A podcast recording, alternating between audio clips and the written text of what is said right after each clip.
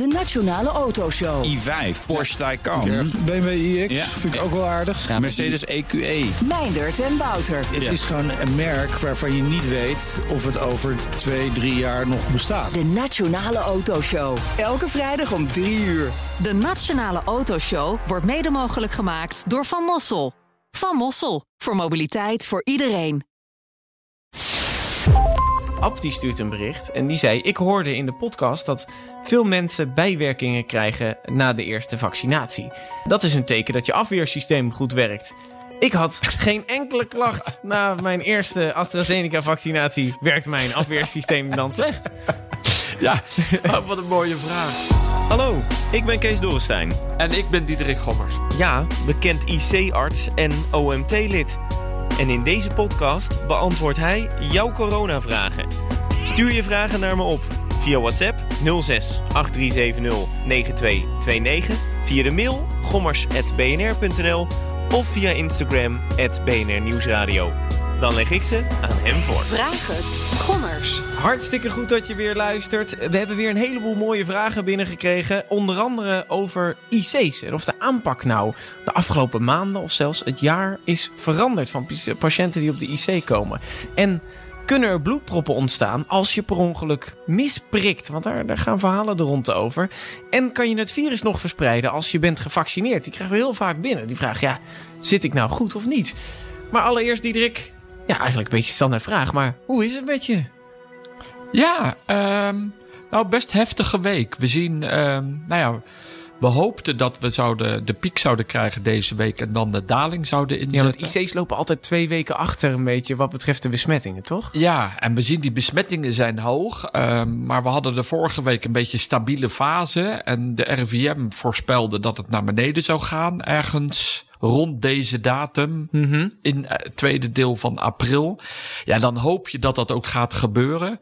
Maar sinds afgelopen weekend ging het stijgen. En eigenlijk stijgt het iedere dag. Ja, en dan merk je gewoon aan ons werk weer. Ja, dan moeten we zoeken naar bedden. En dan is de ene regio helpt de andere regio. Dus dat gaat goed. Je weer heel veel Maar we moesten wel echt opschalen. En we moesten ook echt in het Erasmus eh, de operaties af gaan zeggen. En dat hebben we nu ook gedaan. Maar dat is echt wel, geeft je een slecht gevoel. Hè, dus we hebben al flink afgeschaald. Maar nu hebben we zelfs de operaties die je eigenlijk binnen zes weken echt moet uitvoeren. Want anders hebben de mensen, daar krijgen daar schade van. Ja, die operaties wilden we echt zo lang mogelijk door laten gaan. Maar we zijn dus nu in een fase dat we dat nu hebben stopgezet voor een week voorlopig. Ja, en we hopen dat de komende dagen dat die piek en dat we de daling zien. Maar ehm, ik hou mijn hart vast eigenlijk, als ik eerlijk ben. Ja, en om wat voor soort operaties gaat het dan? Nou, er zijn mensen die een open hartoperatie moeten ondergaan. Of mensen die een chemokuur voor eh, moeten gaan starten. Maar die dan de eerste keer opgenomen worden in een ziekenhuis. Eh, of mensen die een, een grote operatie omdat ze kanker hebben aan een orgaan moeten ondergaan. Ja, dat zijn geen operaties. Hè, daar, daar zit je al op een wachtlijst. Dan wil je natuurlijk. En dan loop je met een tijdbom. Ja, dat zijn geen operaties die je uit wil stellen. Hè. Van de week hebben we eh, hier in het Erasmus eh, een niertransplantaties moeten afzeggen. Ja, die mensen zitten heel de tijd te wachten dat ze die transplantatie ondergaan van een, iemand die hun Ja, dat kan heel lang zijn, hè? ja, dus dan een living related. Hè, dus dat is vaak een familielid dan dat die een van de nieren afstaat. Maar dat zijn natuurlijk geplande operaties. Maar wel spoed, want die mensen, ja, die, die zijn heel de tijd aan het dialyse. En voor hun gaat hun mogelijk hun kwaliteit van leven heel erg vooruit. Ja. Dus ja, dat, het was, het, het is, eh, nou, we zitten in een, in, in een lastige fase. Ja, Maar we zien natuurlijk ook als die besmettingen hoog zijn onder jonge mensen, zien we daar ook mensen toch wel naar de ziekenhuis voorkomen. Ja, dat wil je gewoon niet. Snap je? En- steeds meer jongeren dan naar het ziekenhuis. nou, we zien nu iets meer jongeren komen naar het ziekenhuis. Dat zien we nog niet echt naar de intensive care. Maar we hebben nou ja, in mijn ziekenhuis afgelopen weekend de eerste 32-jarigen. Die hadden we ook al eerder gehad, maar dat was echt sporadisch. Maar nu hadden we er dit weekend twee. Ja, dan denk je. 2, 32 jaar, maar niet Ja. op de IC dan? of? Jawel, echt op Wel de op de IC. IC? Ja. Maar hadden- dat, bedoel, dat wil je niet. Hadden dat is die ook dan logisch. onderliggende eh. klachten dan? Of Hè? hadden die dan onderliggende klachten? Of Nee, gewoon gezond? ja, maar gewoon COVID. Hè? Bedoel, het kan af en toe. Dat, dat, maar dan moet het wel echt wel heel erg gek eh, vallen. 32 is wel hartstikke jong natuurlijk. Ja, maar, dat weten we van elkaar. Je weet niet of jij toevallig de ongelukkige bent die daar heel ernstig ziek van kan worden. Het heeft te merken met je afweersysteem. En de ene die klaart het, hè, die is alleen maar een beetje verkouden. Moet een beetje niezen. En de ander wordt er heel ernstig ziek van. En dat, ja, dat hebben we ook af en toe bij jongere mensen. Ik bedoel, Ja. het is geen nul. We hebben 450, ruim 450 mensen onder de 40 gehad in Nederland. Nou, en dat, dat is, en dat eh, aantal neemt, hebben we hebben het idee, de cijfers zijn nog niet helemaal hard, maar we hebben het idee dat dat de laatste week weer wat aan het toenemen is. Nee, nou zeker. Ik bedoel, die t- twee 32-jarigen, dat vind ik wel dat vind ik een hoog aantal eh, Ja. zo uit het niks. Ehm, we beginnen gewoon met de vragen. En, en eigenlijk niet eens met een vraag. Want Stijn heeft een berichtje gestuurd. En misschien herinner je die naam nog. Hij heeft een tijdje geleden hier in de podcast een bericht gestuurd van dat hij zo'n enorme prikangst had.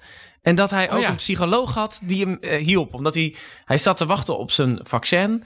Maar hij durfde gewoon niet. En hij stuurt ons nu een berichtje. Hij zegt: Goedemiddag, heren. Ehm, laat ik even beginnen met een enorm bedankje. Want jullie antwoord heeft me veel opgeleverd. Ik heb namelijk goed nieuws. Na een aantal EMDR-sessies eh, en exposure therapie ben ik afgelopen week door een huisarts onder begeleiding van mijn psycholoog voor het eerst in 15 jaar geprikt. En hierbij is voor mij een grote stap gezet om over mijn naaldangst heen te komen. En dat is eh, mede dankzij jullie. Dus ik voel me serieus genomen en ook geholpen. Dus Ach, nou geweldig. het is hem gewoon gelukt. ja, Nou joh, krijg nou wat. Ja. Dat is, ja, je had nog allemaal tips over eh, ja crème, crème, die, hè, eh, die kon doen. crème en zo, een beetje te verdoven en zo. Ja, nou, maar het, ik vond het nou, dat dan toch wel weer heel leuk dat hij ook nog de moeite neemt om even te laten sturen. mooi de het is- terugkoppeling. Dat is goed geweest. Ehm, dan een vraag van Anita. Hij, ze zegt: Jullie hadden het laatst over sommige bloedgroepen. En dat die daarmee meer kans hebben op corona. Dat bleek uit een eerste onderzoek. Ehm, mijn man en ik hebben het vaccin gehad. En eh, ik heb meerdere dagen bijwerkingen gehad. Eh, ik heb eh, bloedgroep AB. Mijn man O. En hij had amper bijwerkingen. Heeft de bloedgroep ook nog effect op de bijwerking? Van het vaccin, na vaccinatie, hè? Ja. Ehm, ja, ik kon het niet vinden. Ehm, kijk, we hebben vorige keer besproken dat als je bloedgroep A had, had je, was je meer vatbaar Ja, voor en het AB ook volgens mij. Ja, twee, B, ja. maar vooral A. En als je O had, was je minder vatbaar. Was je duidelijk minder vatbaar. Maar die studies, de ene studie liet dat duidelijk zien. eh, en de andere studie weer niet. Dus het was ook niet heel hard bewijs. Maar er waren mogelijk kleine studies die dat lieten zien. Maar het was ook alleen maar of je er meer vatbaar voor was. Want het was weer niet zo om, of je ernstiger ziek werd. Nou, en bij het vaccin ja, daar kon ik. eh, ik heb nog zitten zoeken, maar kon het niet vinden dat er, dat er iemand iets geschreven heeft Nee. over de vaccins. Dus maar ja, wat ze zijn schrijft, Ja. is dat als, je, als jij het goed zegt dat haar man O had en die had geen klachten en zij had AB wel klachten. Nou ja, dan moeten we meer mensen zich melden bij jou en dat jij dan een klein studietje doet. eh. Ja, nou, inderdaad. Dat is, nou ja, meld als, jij, als je bloedgroep O hebt gehad en geen klachten, of juist wel, nou laat het weten. En misschien kan het een mooie basis zijn voor een studie. Dan koppel ik dat weer door aan allemaal slimme medische mensen die dat kunnen onderzoeken. Vivian dan, eh, zij zegt: Hallo Kees en Diederik. Hier een trouwe luisteraar uit Italië. Hadden vorige week al iemand uit Los Angeles, nu uit Italië. Oh, het is, mooi. gaat hartstikke internationaal, erg grappig. Eh, en zij werkt daar trouwens ook in een eh, COVID-PCR-testlaboratorium. Oh. Dus eh, ze luistert ook heel erg vanuit haar werk. Zij zegt: Ik vraag me af of er inmiddels al meer bekend is. of je het virus nog kunt verspreiden als je zelf al gevaccineerd bent. Wat we daar nu over weten. Ja, ja nou, dat blijft heel spannend. Hè. We gaan daar eigenlijk van uit ehm, dat je dan eigenlijk niet meer verspreidt. Ehm, maar we weten het niet 100% zeker. En de berichten daarover zijn een beetje wisselend. Want de Europese, ik weet niet, commissie had dat geloof ik in het, in, in, in- naar buiten gebracht. Hè, dat voor Europa zou gelden als je de twee prikken gehad hebt. Dat je dan eh, dichter bij elkaar mocht komen. Dat je niet meer de, oh, je hoeft te houden aan de maatregelen. ECDC. eh, Ja, de ECDC. Maar ja, dat zij, en dan moest ieder land dan toch wel zelf beschikken. Maar ik weet dat de RIV RIVM hier echt van schrok. Want zij vinden dat het er nog geen echt goed bewijs is ehm, dat, je dat, ehm, dat we kunnen versoepelen. En het idee is dat dat vaccin werkt goed. Hè. Je zorgt op het moment dat je het virus in je neus krijgt en dat hecht zich, dan Ehm, en zou je theoretisch zou het nog in je neuscellen kunnen komen en beginnen met zich te vermenigvuldigen en dan zou je afweer in, in gang gezet worden. Ja. Ehm, en theoretisch zou je in die eerste uren, als het dan zich nog aan het vermenigvuldigen, zou je nog besmettelijk kunnen zijn. Dus als je dan niest, dan kan je het nog verspreiden. maar, maar er zijn ook die zeggen: nee, als je voldoende eh, antistoffen hebt, wordt dat gelijk opgeruimd en gaat dat niet gebeuren. Nou, dat stukje, want dat onderzoek doen is lastig. We hebben vorige keer uit Amerika was er zo'n studie, daar hadden ze bij gezondheidsmedewerkers die al gevaccineerd was, hadden ze iedere dag of iedere week één keer zo'n PCR in de neus gezet en daar vonden ze geen actief virus. Maar ja, dan is het weer belangrijk of die ziekenhuismedewerkers voldoende contact hebben met mensen die wel het virus hebben. Dus Ja. het is heel moeilijk testen. Er wordt onderzoek gedaan, maar op dit moment is het nog onduidelijk. Maar we gaan ervan uit, dadelijk in de zomer, ehm, dan moeten we wat meer weten, maar dat uiteindelijk dat je dan ook eigenlijk geen virus overbrengt. hè. Nee, ja, want je kan af en toe een doorbraakinfectie hebben. Hè? Dus dat Ja. het dan net niet bij jou is gewerkt. En dus dat je alsnog corona krijgt. Als je dan klachten hebt, dan, eh, eh, dan, dan kan je echt wel mensen eh, besmetten. Maar normaal gesproken zou je het dan eigenlijk als je het binnenkrijgt... zou dat vaccin direct moeten gaan werken. Ja. En, en antistoffen creëren, waardoor het eigenlijk, je eigenlijk amper tijd hebt om mensen... Ja, dus daar bij mensen met een doorbraak, daar heeft het de afweer niet goed gewerkt. Dus die worden ook zelf ziek ervan. Maar als jij gewoon hè, de 95 of 90 procent waarbij het gewoon goed werkt, ehm, dan merk je ook gewoon dat je voldoende antistoffen moet hebben. En dan moet je eigenlijk, zodra dat virus je lichaam heeft, wordt dat gelijk aangevallen en opgeruimd. Ja. En dat is ook waar we van uitgaan. Want dat kennen we van andere vaccinatieprogramma's. Ja, en het is op zich, eh, ze moeten daar ook nog meer onderzoek naar doen. Want we kunnen hier nog gewoon nog geen klap op geven. Wat dat Nee, betreft. daar komen voorzichtig allerlei studietjes. Maar we, dan moeten een paar van dit soort studies gedaan zijn. En dan moet je zeggen, oké, maar nu zijn we er ervan overtuigd. En er zijn natuurlijk landen, hè, die informatie in Israël. Daar zijn al heel veel mensen gevaccineerd. Dus die data, die komt ook binnenkort wel beschikbaar. Eh, Want je moet eigenlijk ergens dan van uitgaan dat een hele stad of een heel dorp gevaccineerd is. En dat je dan daar iets van kan zeggen. Ja, precies. Ehm, dat dus in de gaten houden, dat blijven wij ook gewoon doen. Ehm, dan wat betreft die eh, vaccins. Ab die stuurt een bericht en die zei... ik hoorde in de podcast dat veel mensen bijwerkingen krijgen na de eerste vaccinatie. Eh, dat is een teken dat je afweersysteem goed werkt. Ik had geen enkele klacht na mijn eerste AstraZeneca-vaccinatie. Werkt mijn afweersysteem dan slecht? Ja, oh, wat een mooie vraag. Eh, ja, dat lijkt me dan ook logisch. Nee hoor, maar, maar het is niet zo. Ehm, ehm, wat, we, wat we bedoelden met die vraag is... als je sommige mensen echt koorts krijgen... en dus echt griepachtige klachten of covid-achtige klachten... dan weet je dat je lichaam aan het werk is. Maar het is niet helemaal zo als je niks voelt... dan heb je niks, geen reactie gekregen. Want we, we verschillen gewoon als mens. Want hè, we kunnen er ook geen pijlen op trekken. Want sommige mensen... Ik heb ook niks gehad, behalve een pijnlijke arm, bovenarm waar geprikt was. Ehm, sommige mensen krijgen klachten van de eerste prik. Dus juist anderen krijgen juist heel erg van de tweede prik. Anderen krijgen geen krachten, maar anderen die wel, wel klachten zeggen: ja, maar ik had eigenlijk ook COVID gehad. en, da- en die reageren dan weer sterk. Dus je kunt er geen pijl op trekken. Dus eh, hij hoeft zich geen zorgen te maken. Nee, Normaal hij heeft gesproken. gewoon mazzel eigenlijk. Hij heeft Ja. gewoon mazzel, ja. Dan, zo, zo moeten we het eigenlijk ik krijg zeggen. ook berichten van mensen die moesten kokhalsen daarna Ja. en echt heel erg griepig Ja, en sommige mensen hebben echt wel een week of twee eh, in de lappenmand. Ja, Eh, dat is en of ook mensen die COVID hadden gehad.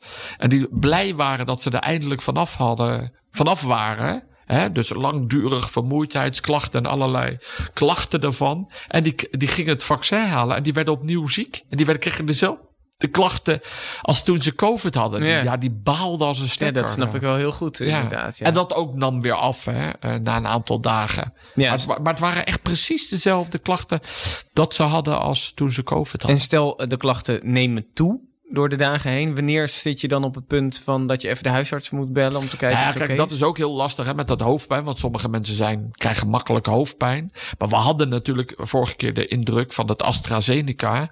Als, dan kan je flinke hoofdpijn krijgen. En die klachten treden vooral op tussen de vierde en de zestiende dag.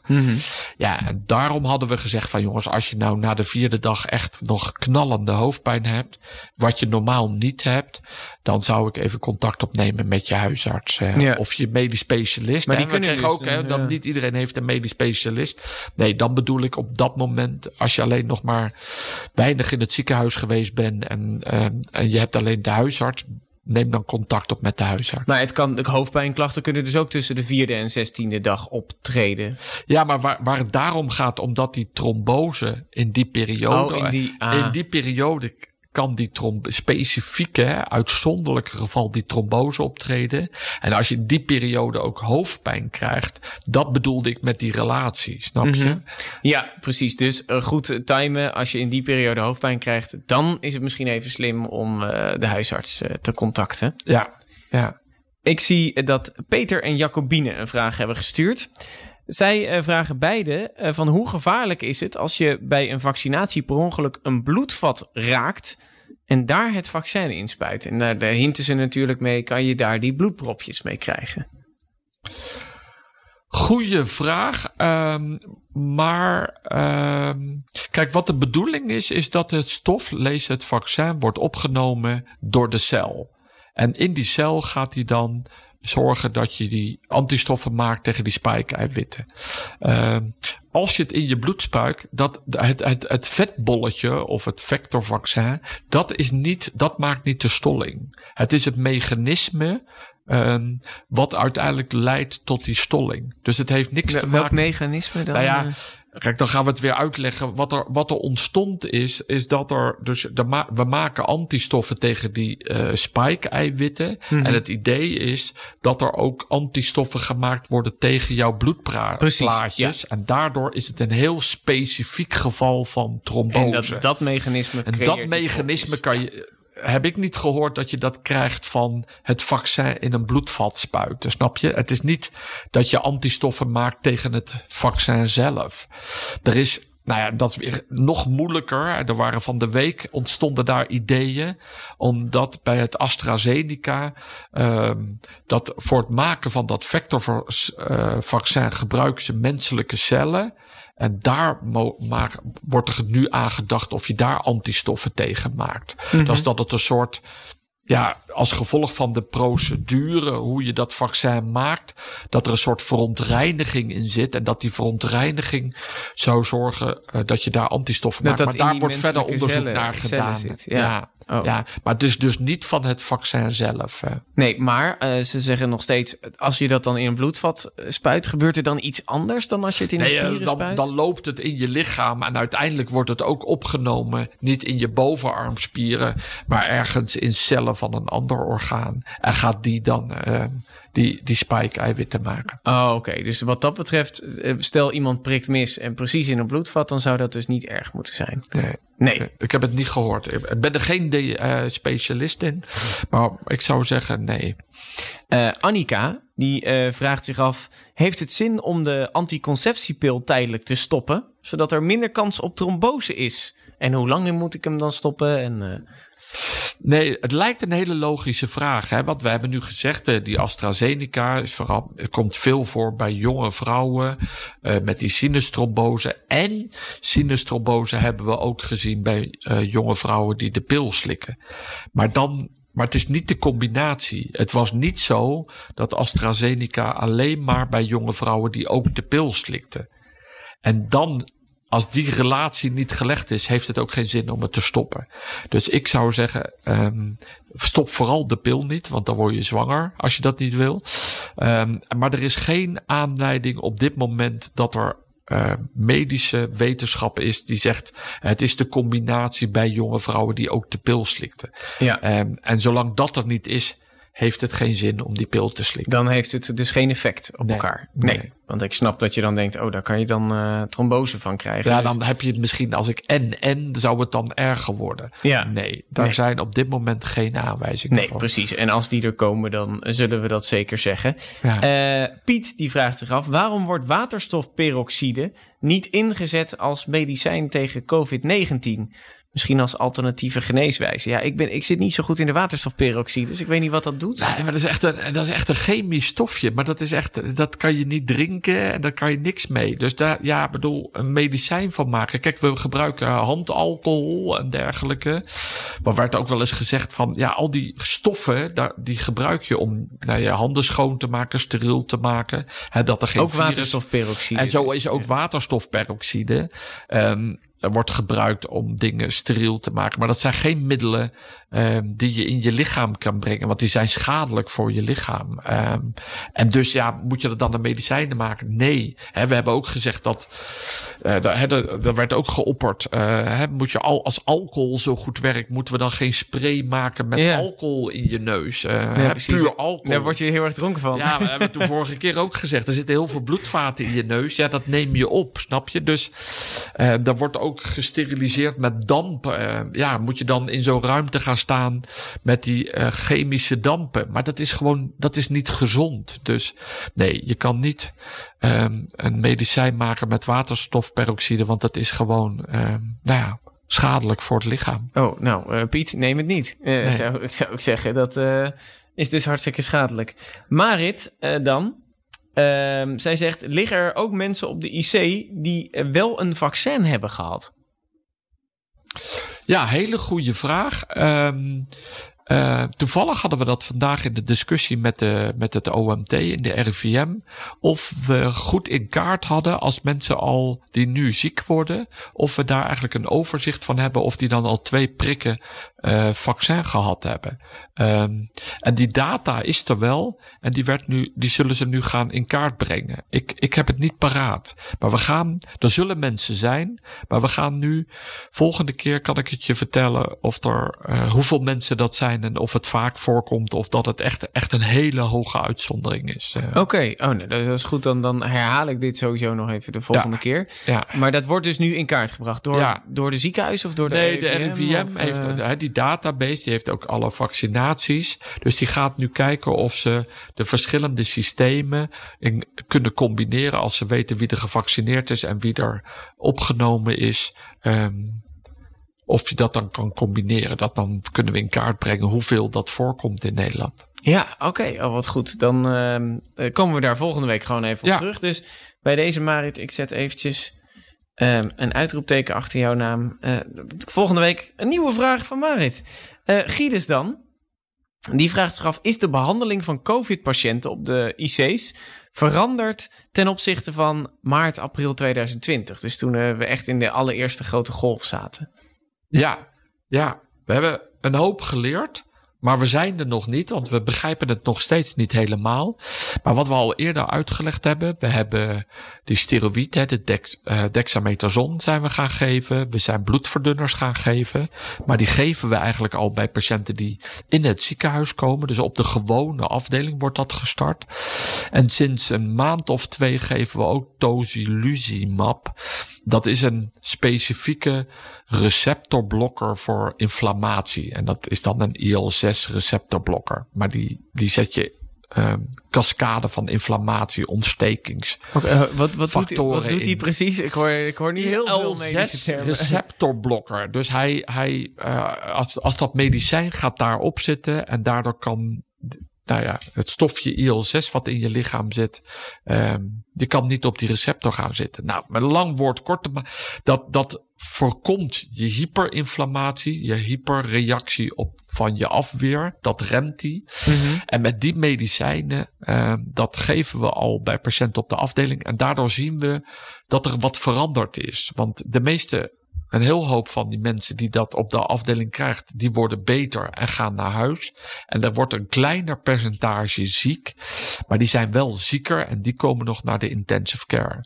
En ook daar zoeken we dan naar naar de optimale behandeling. En daar maken we meer CT-scans en proberen we mensen beter te stagiëren. Dus in welke fase van de reactie of van de ziekte zit je. Mhm. Um, dus dat is echt wel, we hebben meer kennis opgedaan. En we, we geven andere medicijnen dan in de eerste golf. Um, doen we het dan veel beter? Nou ja, nog steeds is de, het sterftecijfer, wat, hè, wat een hard iets is, is nog steeds in de buurt van de 33 procent, zeg maar. op de IC en in het ziekenhuis bij Ja, elkaar als je op- daar terecht eh, komt, Ja. ja. En dat is helaas nog steeds hoog. Dus Dat we doen wel het wel een klein beetje beter. Maar je kan ook zeggen, ja, het valt of staat wie er in je ziekenhuis komt. En dus dat hangt af van de besmettingen. Dus het sterftecijfer is niet gedaald eigenlijk. door- Nee, maar je kan ook zeggen, ja, we, in, in, in het begin zijn natuurlijk eerst de zwakkere eh, Nederlanders, eh, de oudste mensen eh, eh, gestorven helaas. Nu worden de oudsten zijn gevaccineerd. Dus nu kun je zeggen, de mensen die nu naar het ziekenhuis onverhoopt komen zijn jonger. Ehm, en maar het virus is ook wat, nou ja, al of niet wat infectieuzer geworden, hè, die Britse variant. Maar het komt gewoon veel voor. Dus je hebt een hoge kans dat je in contact komt met het COVID-19-virus. Ja, en we geven nu andere medicijnen, maar ehm, we hebben nog niet het ei van Columbus dat we iedereen beter kunnen maken. Nee, maar in ieder geval wel een paar dingen eh, ontdekt. Eh, Liggen ze er dan eh, nog, nog even lang? Of, eh, Ja, eigenlijk kunnen we het, ja, gemiddeld nog zo'n 17 dagen. En er is een groep die, die echt sneller gaat, maar er is ook een, nog steeds een groep die daar vier tot zes weken ligt. Oké, dus wat dat betreft eh, wel goede dingen ontdekt, maar nog niet het ei van nee, Columbus. nee, Nee, eigenlijk valt het een beetje tegen. Ja, dat is jammer. Ja. Maar in ieder geval, jullie zijn aan het leren. Ja. Dat is ja, je moet het Ja. beste ervan maken. Ehm Doreen en Antoinette dan. Eh beide een beetje dezelfde vraag. Eh, ze zeggen, ik ben volledig gevaccineerd. Eh, mijn man ook, in het geval van Doreen. Eh, wat mogen wij nu extra eh, in de periode van versoepelingen? Mogen we nu naar, naar locaties toe of mogen we wat extra's? Nee, op dit moment is het absoluut nog zo. Hè. Ik ben al vanaf eind januari gevaccineerd met twee prikken. Ik heb gewoon te houden aan dezelfde regels. Eh, pas als nou, het grootste gedeelte van de Nederlandse volwassenen is gevaccineerd, verwacht ik dat we stapsgewijs met versoepelingen komen in de zomer. Ehm, maar we moeten echt even afwachten. Moeten we ook wat meer kennis hebben of je wel of niet nog virus verspreidt. Hè, als je dubbel gevaccineerd bent. Ehm, maar er komen plannen aan wat we dan aan versoepelingen mogen. En er zal dus een momentum komen, hoop ik, dat we klaar zijn met de mondkapjes. En dat we dichter bij Ja, elkaar want moeten die komen. vraagt en dat mogen nog. knuffelen en- enzovoort. Ja, want Ank die vraagt nu, ehm, waarom kunnen de mondkapjes, of, eh, want Ank vraagt nu, wanneer kunnen we die mondkapjes afschaffen? Ja, nou ja, op dit moment hebben we die basisregels en de mondkapjes hebben we nog gewoon nodig. Want dat zie je ook. Het aantal besmettingen is toch gewoon erg hoog. Hè? Dat, de ene dag is het 9000, maar van de week was het bijna 10.000. Dat is echt, echt hoog. Ja, pas als die besmettingen echt weer laag zijn en iedereen gevaccineerd is, tenminste die hebben ja hebben gezegd, ja, dan kunnen we pas versoepelen. En dan verwacht ik ook dat ik weet niet wanneer, maar dat het mondkapje ook weer af mag. Dat u weer verdwijnt inderdaad. Ja, Ja. Nou ja, dat is, eh het is allemaal nog even afwachten dan, hè? ja. Nou ja, maar het is, jongens, we hebben de, de finish in zicht. Ik bedoel, het is, alleen deze week was echt wel een hele rare week. En ook zeker als je dan weet dat we volgende week gaan versoepelen. En dat geeft Mhm. een soort gevoel, we zijn ermee klaar, maar de ziekenhuizen lopen over. Ja. Dus het is eigenlijk, nou, En, en welke verhalen hoor je dan hier op de IC van, van de collega's die zoiets hebben van, ja, weet je, er worden versoepeld, maar ik, eh, ik, moet, ik moet komen werken tijdens mijn vakantie. Ja, nee, dat, dat- botst. Ik bedoel, dat, dat gaat niet samen, die twee verhalen. Ehm, maar ja, ehm, we kunnen het alleen maar aan elkaar proberen uit te leggen. En aan iedereen te vragen, hou vol. Ehm, ik bedoel, het valt of staat met je gedrag.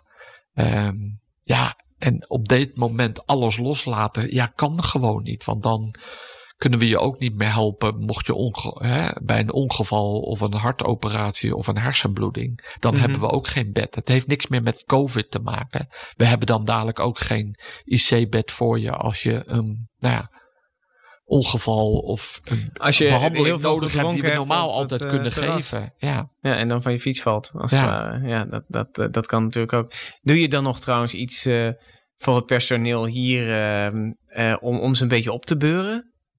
Ja, we gaan wel proberen wat, wat grappige, ludieke acties te doen per week. Ehm, maar goed, dat is, ehm, hè, een pleister voor het bloeden, of hoe zeg je dat altijd? Ja, een doekje voor het bloeden, toch? Doekje Ja, voor ja. het bloeden. Ehm, Dat moet jij nou ja, toch weten, je, zit, je werkt in het ziekenhuis.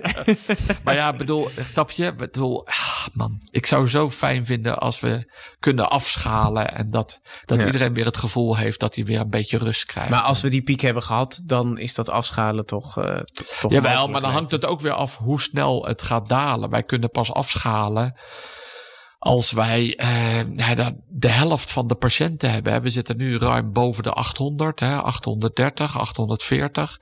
Dat moet het echt wel onder de, nou, richting de 250, 300 zijn. Om echt af te schalen. echt weer dat ja. we binnen de muren zijn van de intensive care. Ja, dus nou, dat duurt nog even. Ja, Maar ja, er komen in ieder geval ludieke filmpjes. Of eh, zijn Ja. filmpjes?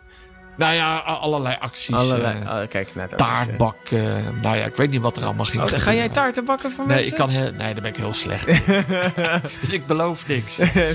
Maar als iemand nog taarten wil bakken voor verpleegkundigen, ga een taart brengen bij je ziekenhuis eh, in de buurt. Ik denk dat je die mensen echt blij maakt. Oké, nou, bij deze is dat afgesproken. En bij deze ook, heb je zelf een vraag? Nou, die kan je natuurlijk sturen. Je hebt het nummer aan het begin van de aflevering eh, eh, gehoord. Je kan ook mailen natuurlijk. eh gommers.bnr.nl En abonneer vooral op de podcast. Hartstikke gratis. Of je het nou in Spotify doet of de BNR-app. Want dan krijg je een melding wanneer je vraag beantwoord is. Want we, we beantwoorden de vragen die je stuurt allemaal in de podcast. Diederik, tot de volgende. Ja, mooi. Tot volgende week.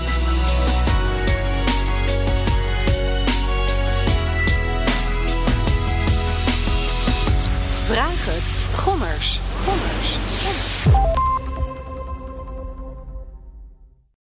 BNR Headlines. De hele dag binnen- en buitenlandse politiek. In Nederland hebben we geen munitiefabrieken. De hele dag economie. vijf dagen in de week bezorgen. Dat kan niet uit. De hele dag technologie. Amerikanen weer op de maan. Heb je eigenlijk geen tijd, maar wil je toch op de hoogte blijven? BNR Headlines.